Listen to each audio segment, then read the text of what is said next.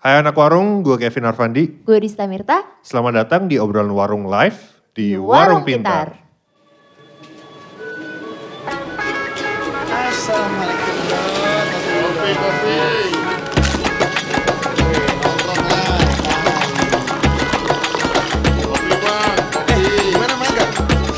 Capek ya. Selamat malam teman-teman yang datang. Ya, jadi eh, sebenarnya ini kayak pertama kalinya kalau misalnya kalian udah dengerin semua belum ya? Belum. Iya, jadi kayak ini pertama kalinya kita bikin podcast live gitu dan hari ini kita nggak cuma berdua ya, Vin. Ya, kita bakalan ada dua narasumber yang Ya. bakal ngobrol bareng kita.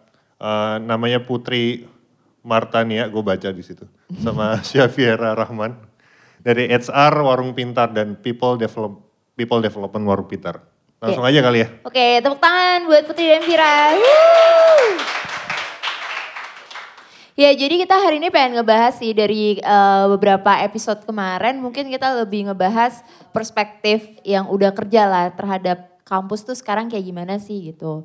Dan hari ini mungkin kita lebih mau ngebahas kita buka-bukaan nih. Iya. Kalau warung pintar screening tuh kayak gimana sih? Iya, biasanya CV yang masuk yang akhirnya sampai yang submit CV itu diterima itu syaratnya apa aja sih? Kriterianya sebenarnya kayak gimana sih? Itu mungkin Iya. malam ini yang bakal kita bahas lebih dalam Oke. bareng dua narasumber kita. Boleh langsung kenalin aja nggak? Eh, Putri sama Vira kenalin masing-masing. Kok Ya, jangan sweet. jangan malu-malu dong.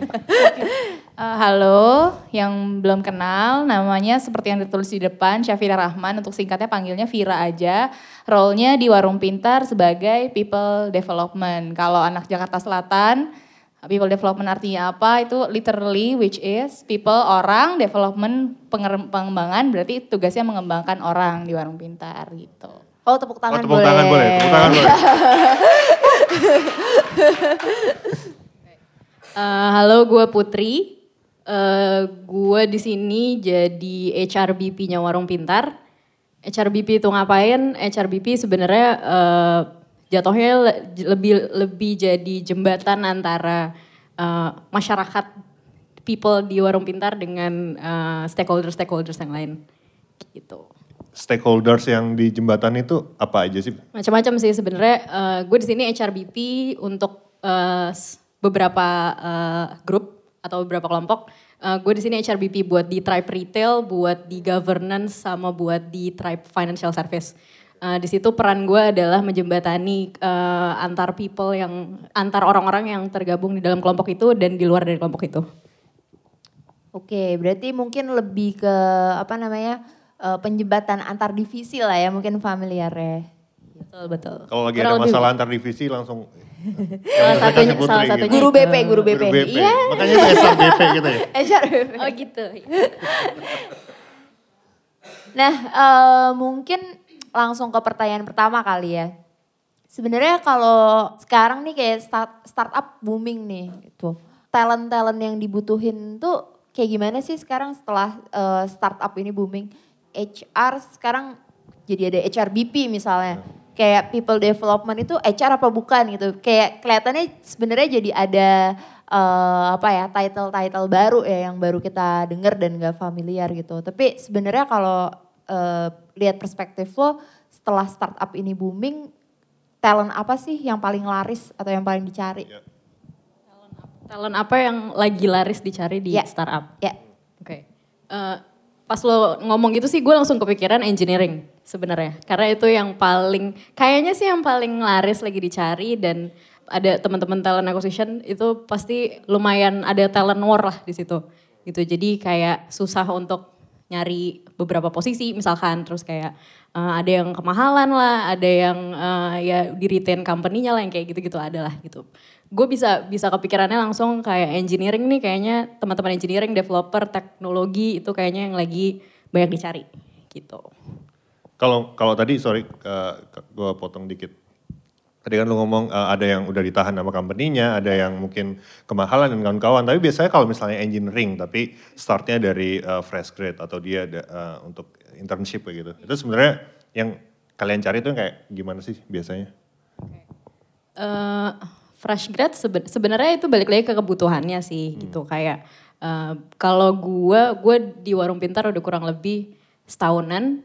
Itu eh, ada fasenya. Waktu zaman dulu-dulu tuh kita emang eh, nyari engineering yang kayak eh, ya udahlah, yang penting dia ngerti teks-teksnya, terus nggak apa-apa fresh grad baru lulus segala macam itu eh, ya udah ayo ayo asal dia tadi mau belajar mungkin terus eh, emang emang dia eh, excited juga dia tahu tentang warung pintar apa gitu nah itu itu ada fasenya di mana eh, kita eh, cari yang kayak gitu Kayak gitu. gitu ha. cuman kalau yang sekarang sekarang ini eh, justru kalau yang gue lihat lebih kayak kita mulai cari orang-orang yang udah experience juga gitu Maksudnya tadi yang udah experience tuh meskipun dia fresh grad tapi udah experience atau gimana? ada engineering tuh banyak juga sih macam-macam kayak even dia fresh grad dia banyak yang udah eh, pernah intern di tempat lain atau punya side job punya side project kayak gitu-gitu itu consider as experience juga sih sebenarnya Iya, iya. Gitu. Kalau dari Oke. point of view. Kalau Vira? dari point of view Vira mungkin kayak lo kan lebih people development nih. Sebenarnya soft skill yang eh, dicari sama startup gitu kayak gimana sih? Misalnya mungkin nanti akhirnya khususnya di warung pintar. Yang lo lihat biasanya kayak gimana? Kalau nomor satu ya soft skill yang dicari itu adalah karena startup berarti kan baru. Terus ngurusin warung. Warung tuh kan hal yang eh, belum ada yang ngurusin di Indonesia sebelumnya. Jadi kita nggak tahu nanti di masa depan tuh akan terjadi apa. Nah kalau kita nggak tahu di masa depan akan terjadi apa, berarti kan kita harus banyak mencoba. Ketika banyak mencoba berarti juga banyak menemui kegagalan. Berarti yang kita cari adalah orang-orang yang kuat nerima kegagalan dan bisa belajar dari situ. Hmm. Berarti kayak gini nggak nggak cukup eh, ngirim CV, interview, punya skill bagus, nggak cukup ya itu kayak requirement-nya udah jauh lebih besar daripada itu ya. Betul, karena kalau misalnya cuma mengandalkan skillful yang eh, sifatnya hard eh, hard skill gitu ya, yang kompetensi yang bisa dipelajari dengan dapat sertifikat lah atau apalah, itu kan tidak menggambarkan gimana dia nanti bekerja ketika di sini gitu. Jadi sebenarnya yang berat tuh justru di soft skillnya Hmm. gitu. Cerita cerita benerannya nih yang lo pernah adepin di warung pintar misalnya dia bohong. Jangan bohong. ya kalau bohong nggak ada yang tahu juga. Eh, eh, dia dari intern mungkin dulu interview juga sama kalian berdua atau sama tim kalian dan akhirnya sampai akhir eh, dia eh, lanjut langsung eh, kerja di warung pintar itu ada nggak sih yang ceritanya sampai kayak gitu? Banyak banget. Boleh diceritain nggak em, tipe-tipe kayak apa tuh yang akhirnya bikin dia dulu waktu interview magang sampai akhirnya keterima jadi full time? Eh, cerita realnya kayak gimana sih? Cerita realnya. Mau gue apa lo yang cerita nih?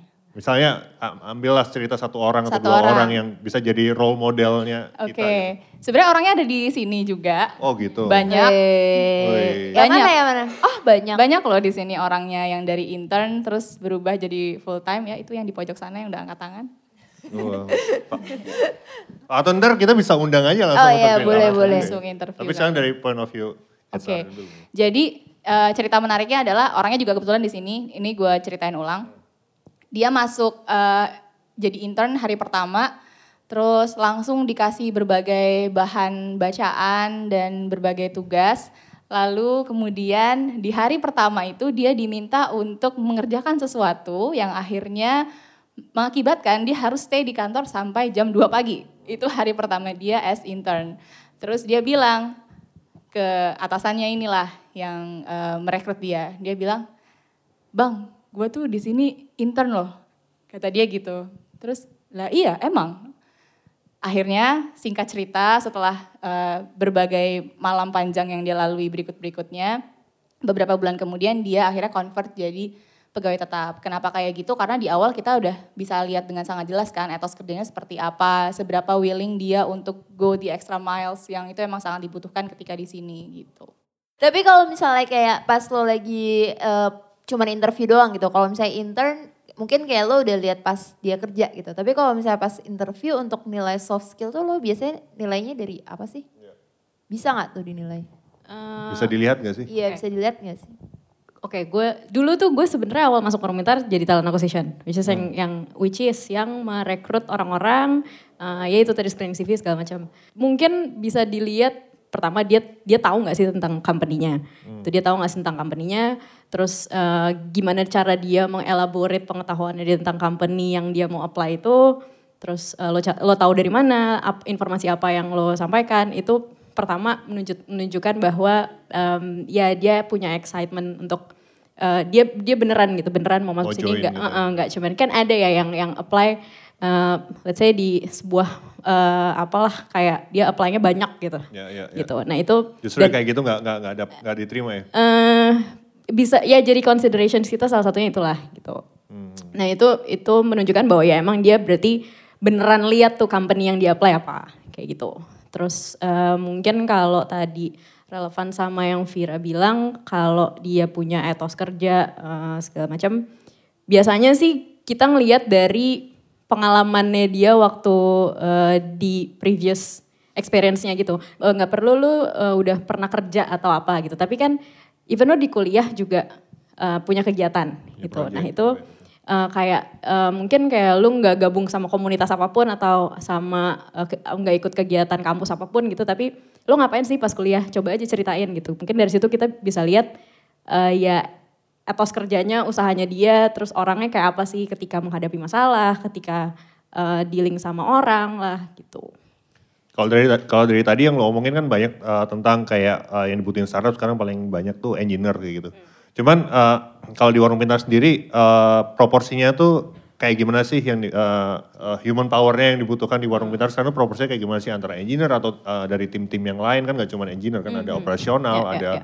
mungkin tim marketing, ada tim yang lain juga itu gimana uh, proporsinya? Biar biar pada punya gambaran nih, aduh ini kayak gue gue juga bukan engineer kayak nggak masuk juga nih, Iya, nggak- iya, iya. background gue nggak nggak ada yang match kayak gitu. Oke. Sebenarnya kalau sekarang eh, bisa dibilang 50-50 kali ya karena eh, nggak bisa dipungkiri warung pintar juga besar dengan kebutuhan eh, manpower di operations juga gitu yang di mana mungkin eh, Java apa segala macam nggak begitu paham gitu. Tapi tahu atau ya nggak segitunya lah gitu. Jadi mungkin bisa dibilang 50-50 sih sekarang gitu. Kebutuhan engineers ada kayak kebutuhan tadi gue sempat sebut tribe retail ada tribe itu which is itu yang memang orang-orang kebutuhannya atau fokus utamanya adalah devel- developing product gitu ya. Dia perlu ada pengetahuan di teknologi juga perlu ada pengetahuan di bisnis juga gitu. Dan operations juga nggak kalah penting karena emang warungnya kita ini ya ya memang eh, basisnya dari operasional itu gitu. Tadi mungkin kalau kayak gue lihat kesimpulannya sebenarnya lebih ngelihat dari experience, kayak dari story orangnya itulah. Ya. Jadi sebenarnya CV itu matters gak sih atau kayak ya lo udahlah CV PDF-in polos aja gitu kan. Sekarang biasanya kalau bikin CV fancy gitu, warna-warni, desainnya keren gitu. Tapi sebenarnya matters apa enggak sih CV itu? di sisi lain uh, first impression tuh dilihatnya dari CV malahan kan belum Iya. interview gitu kan dan mungkin yang masuk berapa ribuan ribuan CV ratusan CV itu kayak CV model apa sih yang mencuri perhatian HR. Mungkin kalau tadi pertanyaan Dista, CV itu matters atau enggak matters. Karena gue personally pun ketika lo build CV itu lo jadi kayak reminding juga apa sih yang lo udah jalanin selama ini gitu. Terus lo jadi, jadi tahu kayak checkpoint lo selama ini apa apa aja juga gitu. Terus eh, matters sih, matters. Kalau CV kayak apa sebenarnya ya enak dibaca sih, enak dibaca tuh jadi ya ya eh, struk- Informatif. eh, eh, Flow-nya informatif, gitu ya, ada flow-nya struk- jelas. struktural. Terus kalau yang paling mantep adalah eh, informasi yang ada di situ tuh relevan sama eh, posisi yang lagi lo apply gitu. Kayak eh, mungkin ada kadang gue inget banget zaman eh, dulu gue masih sering CV itu suka ada yang masukin kayak misalkan dia pas kibra atau apa gitu. Nggak tahu itu menurut kamu relevan atau enggak sama sama eh, posisi yang kamu apply gitu kalau emang ternyata relevan dan kamu bisa menjelaskan siapa tahu posisinya- Ya, ya, nggak misalnya gue apa-apa. naruhnya modeling gitu itu nggak kalau bisa diceritain relevansinya nggak apa-apa sih gitu. Justru itu jadi Justru cerita yang jadi menarik kan gitu. Ambasador benar-benar. warung ambasador warung pintar nanti maskot. oh gitu, oke. ya, Kalau dari Vira gimana? kita mau nambahin nggak Eh, sama sih sebenarnya sama kayak Putri CV itu matters. Tapi kalau gue kalau personally karena bukan orang yang terlalu pay attention too much to visual jadi lebih ke kontennya apa yang ditulis di situ. Seberapa dia bisa menjelaskan kembali pengalaman apa aja yang sudah pernah dia raih di sebelumnya gitu. Mau di kuliah kayak mau di apa kayak gitu. Dan itu kalau lagi interview ya biasanya tuh pasti akan jadi bahan. Kalau gue kan bukan talent acquisition. Pernahnya interview tuh sebagai user lah user tuh artinya eh, dicariin kandidat sama talent acquisition terus nanti nah, sebagai orang yang akan bekerja bareng baru kita lihat orangnya kayak apa gitu. Nah jadi biasanya akan lihat ke CV, oh kamu pernah ngerjain ini, Eh, bisa diceritain nggak waktu ngerjain ini tuh yang di, yang dikerjakan di bagian apanya itu bisa jadi kayak trigger untuk menanyakan lebih lanjut tentang pengalamannya dia. Jadi penting untuk bisa mengartikulasikan kembali pengalamannya itu dengan sebaik mungkin biar kelihatan relevan sama posisi yang lagi dilamar gitu. Hmm. Tapi sebenarnya ditarik kesimpulannya eh, jadi kayak kalau misalnya menurut kalian anak-anak yang lagi kuliah itu penting banget ya buat aktif di apa pun itu kegiatan di luar kampus atau ya organisasi di dalam kampus gitu ya. Yang akhirnya bikin mereka tuh punya experience apa pun itu berorganisasi lah. Sebenarnya kan kayak eh, kerja kan juga berorganisasi ya. Jadi sebenarnya itu yang mungkin bisa jadi tips pertama untuk anak-anak yang masih kuliah waktu yang kosong itu lo manfaatin buat volunteer atau kayak ikut seminar atau ikut kegiatan di kampus kayak gitu. Atau kalau tadi eh, si Putri bilang nggak nggak nggak nggak nggak melulu tentang harus berorganisasi gitu, tapi lu punya project-project apa yang lu lakuin di kampus, entah itu tugas lo atau tuh bahkan di luar tugas lo, inisiatif-inisiatif yang lu lakuin bakal matters untuk eh, apply di di pekerjaan lu selanjutnya ya harusnya. Betul. Kayak kalau gue pernah ada pengalaman eh, waktu menginterview orang sebagai user, itu lucunya adalah eh, jadi background pendidikannya sangat sesuai sebenarnya dengan apa yang di-apply. Tapi ketika ditanya kenapa kok interest dengan posisi ini, dia tidak bisa memberikan jawaban yang memuaskan bahkan dari sisi akademik yang eh, dia lagi pelajarin gitu. Jadi sebenarnya kegiatannya tuh bisa apa aja, bisa akademik, bisa non akademik. Yang penting dia bisa menjual dirinya bahwa gue tuh bisanya di bagian ini loh gitu. Kalau gue boleh satu eh, ke entah eh, Putri atau Vira, satu CV yang lo masih ingat eh, sampai hari ini dan akhirnya itu bikin lo untuk memutuskan kayak tuh anak, eh, oke ini lo kerja sama, eh, sama kita di sini kayak gitu. Ada ingat gak sih?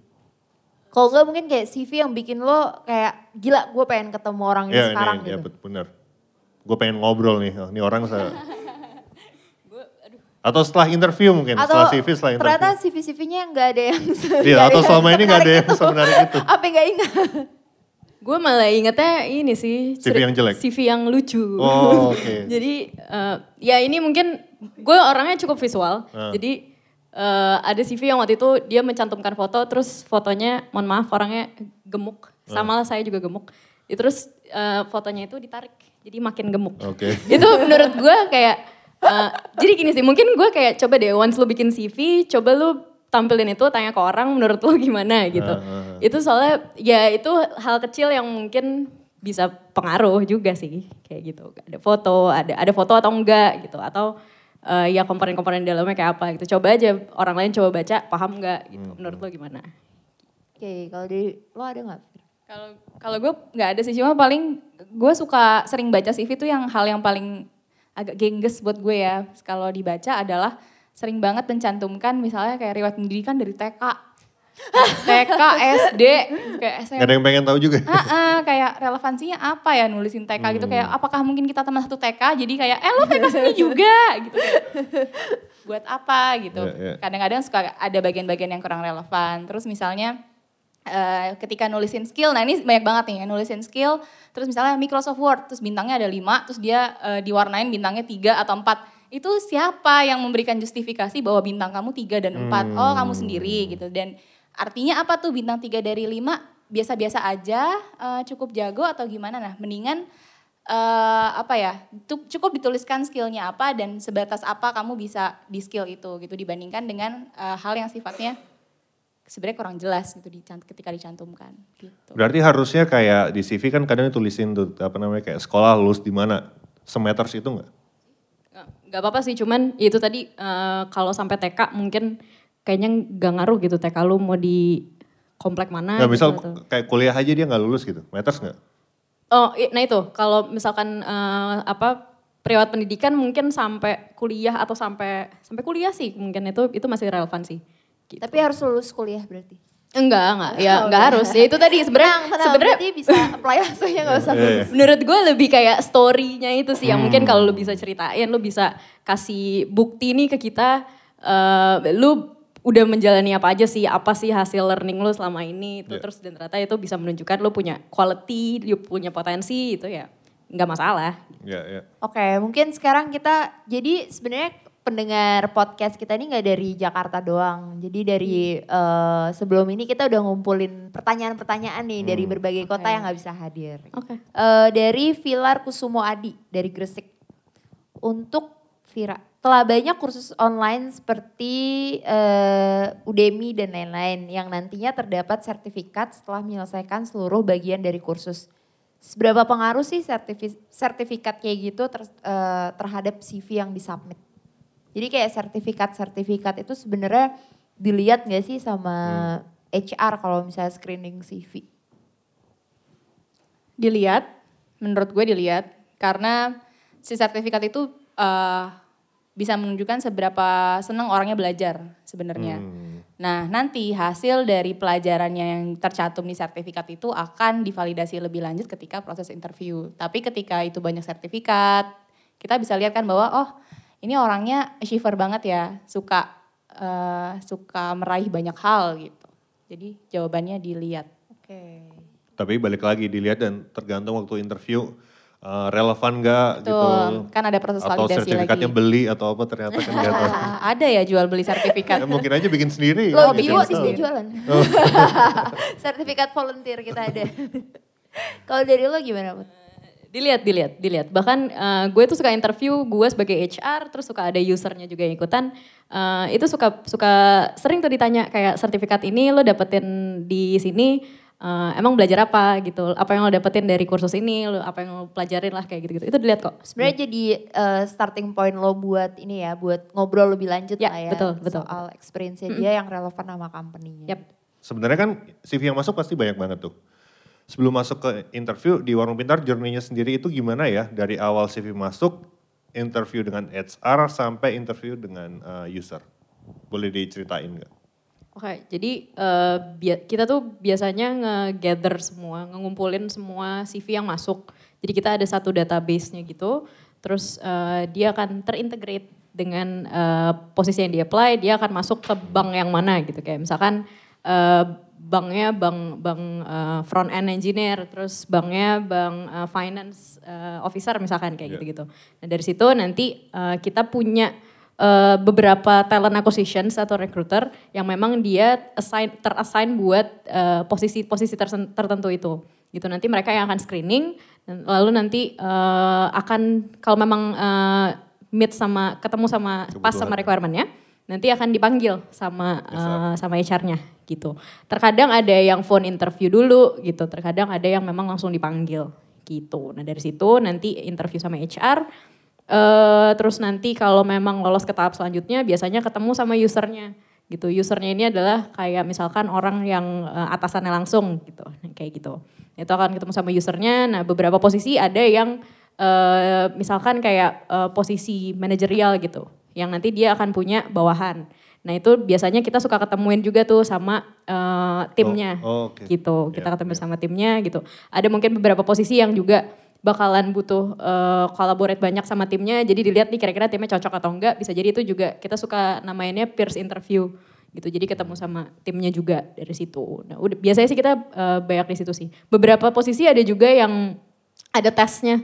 Kayak misalkan eh, beberapa engineers kita itu juga ada yang eh, sebelum biasanya biasanya pas eh, sesi HR interview itu dibarengin sama eh, technical test. Nah di situ biasanya disaring juga tuh, jadi hasil interviewnya gimana sama hasil eh, technical testnya itu kayak apa, gitu. Dan itu wajarnya berapa lama sih untuk nunggu? Satu minggu kah, dua minggu, sebulan atau gimana? Atau Nah. kayak udah ngirim CV 10 bulan nih nggak ada balasan, nggak ada kabar. Sebenarnya di warung pintar random sih. Kita ada juga yang cepet banget kayak sem- eh, proses orang keterima itu bisa dilakukan dalam waktu seminggu gitu. Jadi yang tadi ada beberapa macam interview itu bisa terjadi dalam seminggu kalau emang biasanya posisinya urgent banget. Eh, tapi ada juga yang bisa sampai sebulan, sebulanan. Paling gitu. lama berapa lama? Paling lama sekitar se- sebulan dua bulan ada sih. Oke. Gitu biasanya tuh posisi-posisi yang kayak manajerial gitu lumayan lama kayak gitu-gitu. Kita lempar ke penonton dulu kali ya kalau udah ada yang pengen Nanya. nanya. Sebelum Ada kita lanjutin ke pertanyaan selanjutnya. Atau kayak sebenarnya kalian pengen bahas topik apa sih yang belum kita bahas? Nanti coba kita eh, ulik lah dari situ. Cie. Ada yang mau nanya? Teman-teman mahasiswa ada nggak yang mau nanya? Oh ada ini ya kak, ada kaos ya buat penanya. Iya. Kaos. Kaos yang mana nih kalau gerobak udah punya? spesial ya, special edition ya yang sekarang. Podcast. Obrolan warung. Podcast ya. Obrolan Ada warung. yang mau nanya nggak? Ada yang mau nanya? Oke, boleh, boleh, boleh. Dapat kaos. Buat kamu, bilang aja ke temen kamu ini nggak dapat apa-apa. Bohong. Ini pertanyaan dari Farida. Eh, dia jurusannya kimia. Terus eh, posisi yang pas kerja di warung pintar itu apa ya? Kalau jurusannya kimia di warung pintar, posisi yang pas apa ya? Menarik. Kimia belajarnya apa tuh? Fisika mungkin. Belajarnya apa? Kimia. senyawa gitu kak senyawa zat Iya udah lama gak sekolah, gue lupa dulu kimia belajar. Kimia senyawa, eh, senyawa. Apa ya? apa Fir? Salah satu contoh teman kita di sini, Jiwo, eh, kuliahnya apa, apa politik, ilmu politik. Tapi sekarang dia jadi manajer eh, social impact di Warung Pintar karena dia punya interest eh, turun ke grassroots, cari tahu tentang dampak-dampak Warung Pintar di grassroots itu seperti apa. Nah ini mungkin eh, eh, temannya tadi namanya siapa? Farida eh, interestnya apa mungkin gitu kayak sehari-harinya kalau ternyata dia sangat memikirkan distribusi cairan-cairan kimia kayak membutuhkan obat-obatan kayak membutuhkan mungkin kan Ya, ya. dan akhirnya Personal interest lah ya. iya iya personal interestnya mungkin eh, apa gitu tahu nggak kira-kira Dari Vira ada tambahan? Ternyata setelah dipikir-pikir kita punya yang Jurusannya nih. kimia. kerja di warung pintar Kita jurusannya kimia. S2. S1, S2-nya kimia dua-duanya. Nah, tapi uniknya di warung pintar nggak ada hubungannya sama kimia. Jadi di warung pintar itu dia jadi salah satu eh, special project leader yang mengkickstart salah satu project kita yang baru intinya lah gitu. Jadi kayak semacam kalau bahasa di luar sana yang lebih umum mungkin jadi product owner gitu. Product owner tuh ngapain? Ya intinya dia mencari jalan lah untuk produk yang baru. Ini harus diapain produknya biar bisa fit ke target market kita gitu. Jadi kalau dalam kehidupan sehari-harinya kayaknya nggak pakai kimia-kimiaan sih, tapi ternyata ya kenyataannya emang kayak gitu. Balik ke apa personal interestnya tadi ya sebenarnya Ya, bisa ngekawinin yang fit untuk pekerjaan dia apa. Sebenarnya ini jadi obrolan menarik eh, karena faktanya eh, para foundernya Warung Pintar juga nggak ada yang Nggak ada nyambung sama ya. jurusan kuliahnya gitu. Betul. Eh, CEO Warung Pintar Agung backgroundnya desain, Betul. Seni rupa, multi- iya. eh, seni rupa, eh, COO Harya backgroundnya tech engineer, Ya, engineer. sekarang jadi operational chief operational officer. Ya, yang justru background, yang justru jadi shift teknologi, backgroundnya justru teknik industri. Hmm. Jadi eh, backgroundnya ternyata nggak terlalu berpengaruh. Tergantung interestnya apa yang Tergantung pengen dia usahakan waktu di dalam Warung Pintar kalau kira Hmm, menarik. Menjawab nggak kira-kira? Iya.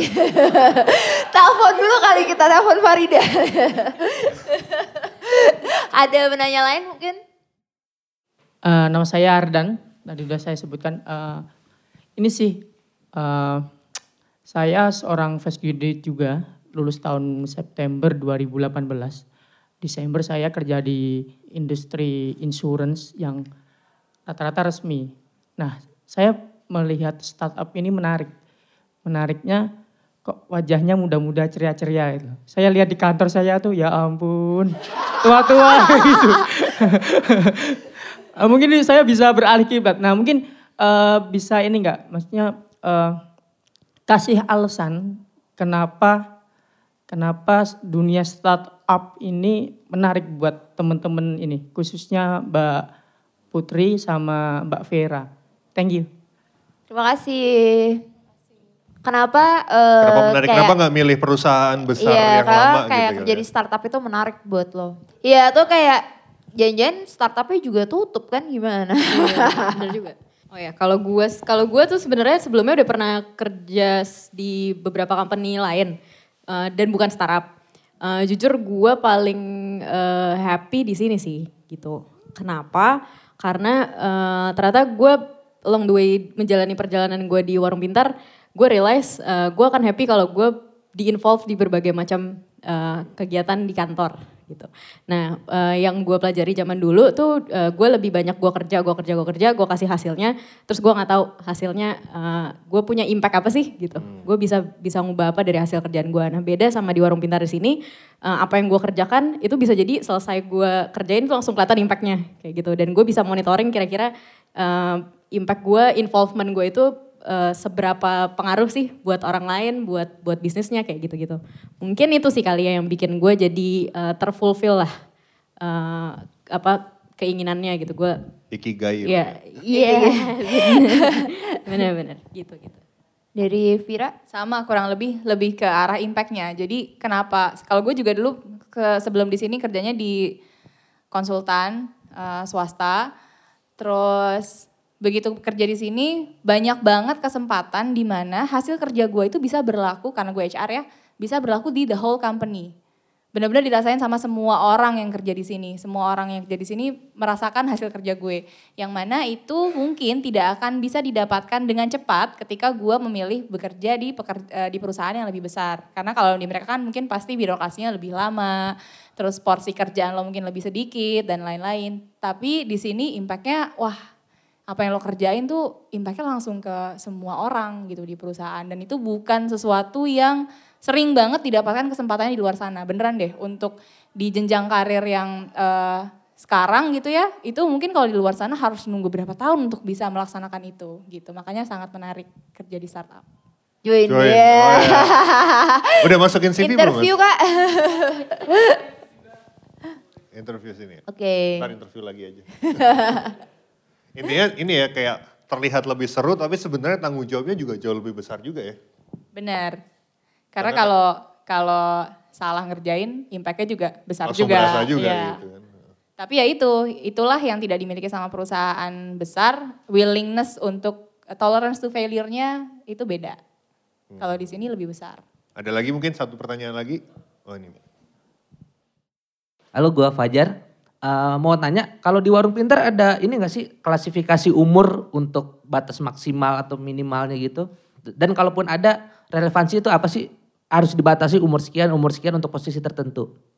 Oke. Terus eh, pertanyaan selanjutnya, kok di sini eh, apa ya santai-santai setelan lulu orang ya gitu loh, woles-woles banget kayaknya gitu loh.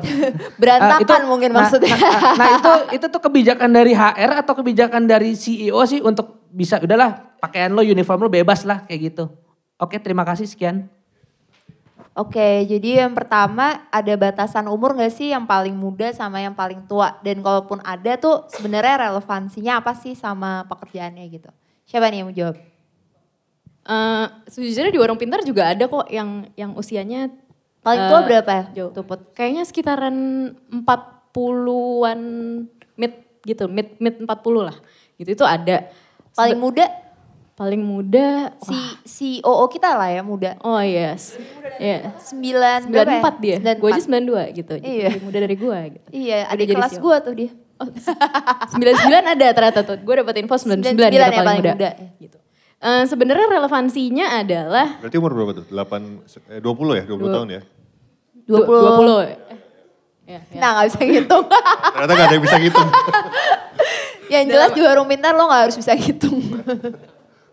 Oke, Sebenarnya relevansinya sama usia adalah ya itu sih tadi kayak eh, dibutuhkan toleransi yang tinggi dengan eh, kekeosan eh, di startup itu sendiri gitu dan dan benar-benar mau belajar mau eh, ngedengerin eh, aspirasi orang-orang juga gitu. Nggak nggak stick to apa yang dia believe aja gitu. Nah itu sebenarnya yang yang mungkin eh, relevan sama usia gitu. Kadang-kadang kan suka ada yang Eh, beberapa kali gue nemuin kayak eh, dia nggak fit sama eh, warung pintar karena memang dia merasa sudah punya experience banyak dan eh, jauh jadi yang lebih tahu gitu. Nah itu kadang-kadang yang jadi membunuh Karena Sebenarnya jadi ini ya kayak jadi Iya. kurang belajar gitu ya. Betul, betul, betul. Di situ sih, di situ. Mungkin uh, kenapa ada usia gitu. Beberapa opening uh, jobnya warung pintar ada yang memang naruh usia di situ. Nah itu biasanya kita buat mengcater kebutuhan kayak gitu gitu. Tapi kalau memang uh, ternyata itu uh, salah gitu kayak gue usia 50 tahun tapi gue masih mau belajar apa segala macam, iya nggak masalah gitu. Itu sih sebenarnya lebih ke arah sana pertimbangannya. Intinya apa namanya sikap untuk terus mau belajar mau usia Ya, berapa ya, ya. Betul, betul. dan masih capable untuk produktif uh, nyelesain tugasnya harusnya nggak masalah ya. Betul, betul. Dari Vira ada tambahan nggak? Oh iya David. ada. Kalau batasan umur paling kita cuma dibatasi maksimal sama undang-undang ketenaga kerjaan doang kok gitu kayak ya maksimal orang usia produktif aja sisanya sih enggak tapi ya itu tadi balik lagi umur cuma jadi hint aja eh, tentang personality-nya seseorang tapi balik lagi ke orangnya itu sendiri gitu. Sama pertanyaan kedua tadi. Oh, Kenapa? Kenapa sesantai ini nih? Kenapa seragamnya tuh ya nentuin siapa sih kayak bajunya kayak gini sesantai ini HR yang nentuin CEO-nya atau Kenapa siapa? orang bentar diseragamin aja sih? Iya, kenapa nggak kayak kita punya seragam warna kuning gitu? Kayak gerobak. Lebih bagus mungkin. Biar nggak hilang kan? Sebenarnya justru bolos kelihatan. Justru gue bisa bilang warung pintar tuh embracing diversity gitu. Jadi kayaknya kalau diseragamin malah jadi eh, menahan kreativitas orang-orang kali ya gitu. Kayak gitu sih lebih ke arah sana. Jadi eh, ya iya gue tahu ada ada ada meaningnya kenapa sekolah kita diseragamin biar eh, levelnya sama, tidak ada senioritas apa segala macam gitu-gitu. Tapi gue rasa di sini sih ya itu eh, poinnya adalah emang kita mau embracing eh, keberagaman itu gitu. Iya dan ini ya kayak bahkan di kantor suka ada yang pakai sarung aja ya bolak-balik. CEO-nya juga pakai celana pendek. Betul, betul, Ya kayak style nih kayak mau ke mana sih nih pantai atau apa? Bahkan yang menarik waktu CEO-nya ketemu beberapa Pejabat. pejabat juga pakai celana pendek, Iya. pakai baju casual Iya. juga kayak gitu. Iya, ya dari Vira Eh, tadi karena kalau diversity kan embracing diversity terus saya yang disebutin tadi yang berantakan-berantakan tuh yang sarung, pakai celana pendek gitu-gitu ya. Tapi kita juga ada employee yang kekeh pakai baju rapi tiap hari tuh ada juga gitu. Yang udah dibilang kalau rapi banget sih mau interview ya. Biasanya kalau kita tuh gitu ledekannya di sini. curiga. Curiga gitu. Tapi enggak ternyata emang stylenya dia rapi tiap hari dan that's okay gitu. Semua orang punya ekspresi eh, berpakaiannya masing-masing dan itu tidak dihambat di sini gitu. Sebenarnya ini ya mungkin kayak yang di highlight asal semua orang bisa berkarya gitu. Betul. Kayak mungkin Berkarya dengan bebas gitu. Iya, jadi best version dari dirinya masing-masing lah. Iya. Keren. Keren banget Deep sih. Betul banget. Iya, Iya. iya, iya. Yang penting outputnya sesuai, bener nggak? Kira-kira tadi menjawab nggak, Mas? Ya. Menjawab. Tadi sebenarnya gue ke-trigger satu hal nih yang mungkin bisa menarik untuk dibahas kayak gitu. Tadi ngomongin umur, akhirnya gak tarik eh, ngomongin, iya biasanya kalau mungkin lebih berumur akhirnya dia ngerasa udah lebih ber- berpengalaman dan akhirnya susah untuk eh, adapt sama sistem yang ada di warung pintar gitu kan. Dan eh, ini perlu diketahuin gak sih sama teman-teman yang mungkin mau uh, apply di startup atau yang uh, sebelumnya belum masuk startup. Kalau justru di startup itu uh, semangatnya itu bukan kayak kerja keras doang ngikutin sistem. Bahkan uh, kalian juga yang harus mungkin bisa membentuk sistemnya itu sendiri. Iya gak sih? Kayak gitu gak sih? Menurut kalian gimana? Iya. Jawabnya iya doang nih terus Iya. udah. Tolong, tolong dong lebih ini Antusias. lebih antusias. Tadi kan kerja ngikutin sistem ya. Kalau di startup itu awal-awal boro-boro ngikutin sistem, sistemnya aja nggak ada Iya, gitu. iya. Jadi ya benar tadi emang harus bikin sistem sendiri dulu. Ya, Kreatif untuk ciptain itu. ya. Iya, dan sistemnya kita kalau misalnya cuma ngikutin company lain yang udah ada nggak keren, biasa aja kita akan jadi company lain dan kita ngurusin hal yang nggak pernah diurusin sama orang lain sebelumnya. Artinya sistemnya juga nggak bisa sama kayak orang lain. Jadi dalam creating sistem itu sendiri juga nggak bisa mentah-mentah nyontek dari yang lain ya bikin sendiri. Jadi kayak lo sebenarnya selalu di challenge untuk creating something new terus gitu ya. Iya, kalau- something new that really yang paling fit buat kita. Iya. Itu jadi challenge-nya buat teman-teman yang mau apply ke startup salah satunya uh, warung pintar gitu ya. Iya, Jadi nggak bisa beli kunci jawaban ya kak? Nggak Gak ada. ada. Tadi Gak ada, juga karena gak ada jawabannya. gak ada jawabannya soalnya. Gak ada yang jual juga. Ini nih uh, buat uh, Vira mungkin ngomongin people development kayak gitu. Um, Oke, gue udah uh, kuliah um, rajin tugas dan kawan-kawan terlihat kuliah baik-baik. Tapi sebenarnya hal ap- ya kalau lu ngeliat dari point of view people development hal apa sih yang harus bener-bener eh, anak zaman sekarang ini kembangin buat ngadepin apa ya cepatnya tumbuhnya startup dan kawan-kawan ini startup dan industri industrinya Emotional intelligence. wah itu menarik banget tuh itu gimana tuh Jadi eh, kalau di warung pintar, ke developmentnya itu justru lebih fokusnya dibandingkan dengan hard skill, eh, knowledge dan lain-lain, kita pengennya fokusnya ke emotional intelligence. Kenapa begitu? Karena emotional intelligence itulah justru yang kuncinya untuk ngegerakin orang supaya dia bisa belajar. Gitu. Jadi kata kuncinya bisa belajarnya itu sendiri. Kalau itunya udah dapet aja, gampang deh mau belajar apa aja juga bisa mau ngadepin kegagalan kayak apa juga hayu ya udah gagal belajar lagi bangkit lagi gitu karena kita juga di warung pintar tuh banyak ketemu orang-orang yang brilian pintar-pintar tapi eh, ketika emosionalnya itu nggak pernah tersentuh nggak pernah diperhatikan itu terguncang ketika menerima kegagalan nah ketika terguncang itu pilihannya cuma dua mau dia terus-terusan terguncang di bawah atau dia bangkit lagi jadi itu yang diperhatiin Ka- kalau di startup khususnya di warung pintar yang penting banget emotional intelligence. pinter aja nggak cukup ya Pintar aja nggak cukup. pintar dan baik sih itu emang idaman para eh, menantu apa mertua-mertua ya ya ya K- kalau dari eh, Putri Sama sih kurang lebih, bener sih. Bener gue uh, sering banget lihat yang emang orang pinter tapi uh, ya itu ketika ketika emosinya terganggu segala macam dia jadi gak bisa collaborate, gak bisa communicate sama orang, gak bisa interaksi.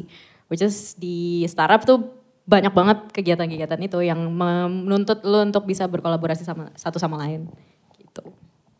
dan cara untuk ngelatih emotional intelligence tuh gimana tuh Banyak caranya sebenarnya. Terus dan itu bukan perjalanan yang singkat, bukan berarti kayak oh ya datang kelas emotional intelligence keluar-keluar ces gitu langsung langsung magic berubah gitu ya. berubah gitu. Enggak, itu itu suatu hal yang dilatih setiap hari sebenarnya. Cuma eh, di, gimana kita setiap hari di sini berusaha menggait orang-orang untuk bisa eh, aware sama keberadaannya justru si emotional intelligence ini karena ternyata banyak yang belum aware sama pentingnya itu si emotional intelligence itu sendiri gitu. Cara ngelatihnya banyak sih. Salah satunya mungkin yang eh, sering terdengar di masa kini ya, yang keliat, yang kedengarannya mungkin kayak cool gitu adalah meditasi, Hmm. itu salah satu cara melatih emotional intelligence. emotional Iya. intelligence Sebenarnya ini ya apa eh, kayak mungkin kalau lo eh, lari terus jatuh kayak oh obatnya betadine. Tapi kalau gue gagal obatnya apa gitu kayak mungkin itu yang orang jadi nggak tahu gitu. Benar. Dan itu yang sebenarnya bisa dilatih ternyata ya. Betul, kayak eh, sebenarnya pun awareness terhadap itunya sendiri juga masih rendah banget kayaknya. Karena kalau misalnya kita jatuh, terus kakinya patah gitu kan. Terus kayak, ya ini kaki gue patah. Beda sama misalnya orang depresi, terus eh, dia bilang, ya nih gue de- depresi. Orang bisa aja bilang, ah itu di otak lo doang kali. Gitu. Kalau orang kakinya patah, bisa nggak kita bilang, ah itu kaki lo doang kali. Itu kan enggak kan, enggak kelihatan. Jadi sebenarnya dua-duanya sama-sama penting gitu untuk untuk me- merawat fisik dan jiwa. dan mental Ya, tadi ya sebenarnya itu hal yang sama sih yang kayak ya gue juga kerja di warung pintar. Iya. Apa namanya meditation tuh kayak bullshit lah gitu. Tapi pas gue ngerasain kerja di startup gitu, karena ya startup kan kayak mereka tuh eh, apa growingnya cepet banget dan kadang-kadang eh, ngelebihin kecepatannya tuh ngelebihin orang-orangnya berkembang. Nah itu yang jadi bikin super stressful kayak lo harus belajar dengan cepet, gagal dengan cepet, belajar lagi, belajar lagi. Itu yang akhirnya kayak oh meditation tuh make sense ternyata gitu. Jadi yang dipelajarin harusnya komplit ya. Dari CV-nya harus bagus. Eh, waktu interview lu harus punya pengalaman dan lu punya project-project atau inisiatif yang sebenarnya lu, lu udah pernah lakukan. Terus apa lagi tadi? Harus pintar. Sama punya emotional intelligence yang eh, baik kayak gitu ya. Dan gak, gak melulu semuanya udah harus eh, eh, top notch semua, udah harus bagus banget. Tapi itu kalau selama orangnya mau terus belajar, itu membuka kemungkinan yang lebih lebar untuk HR bisa ngajak kerja bareng. Betul, terima kasih sudah dirangkum dengan sangat baik. Ini biasanya pekerjaan Vira loh, Vira biasanya MC, kita yang Ya. recap dia. Gimana menurut lo? Gue udah cukup bagus. Bisa gantiin lo gak? Oke mungkin lempar lagi ya. ya, ada ada nggak? Setelah kita trigger dengan beberapa obrolannya ada beberapa pertanyaan lagi. Oh Ini- jadi banyak, ini dulu, tiga, ini dulu, tiga ini. penanya. Boleh. Nama sama langsung pertanyaannya. Eh, malam nama gue Hasnal. Eh, langsung aja mau nanya ke Mbak Putri sama Mbak Syafira kan dia di HR sama People Development. Sebenarnya kalau misalkan ya terlalu ini yang startup startup warung pintar, apakah ada treatment khusus bagi karyawannya? Misalkan karyawannya itu mengalami kelelahan mental lah, apa di waktu pekerjaan yang berlangsung atau kon eh, misalkan banyak kecapean yang yang menguras pikiran si karyawannya itu dan apakah ada ada kayak apa ya ada kayak divisi occupational terapinya di warung pintar gitu buat nanganin hal-hal yang kayak gitu. Ide baru. Iya. Mungkin kamu yang bisa melakukan itu. Makasih. Oke, kalau sampai se-advance, ap- apakah ada occupational therapy di warung pintar? Belum ada.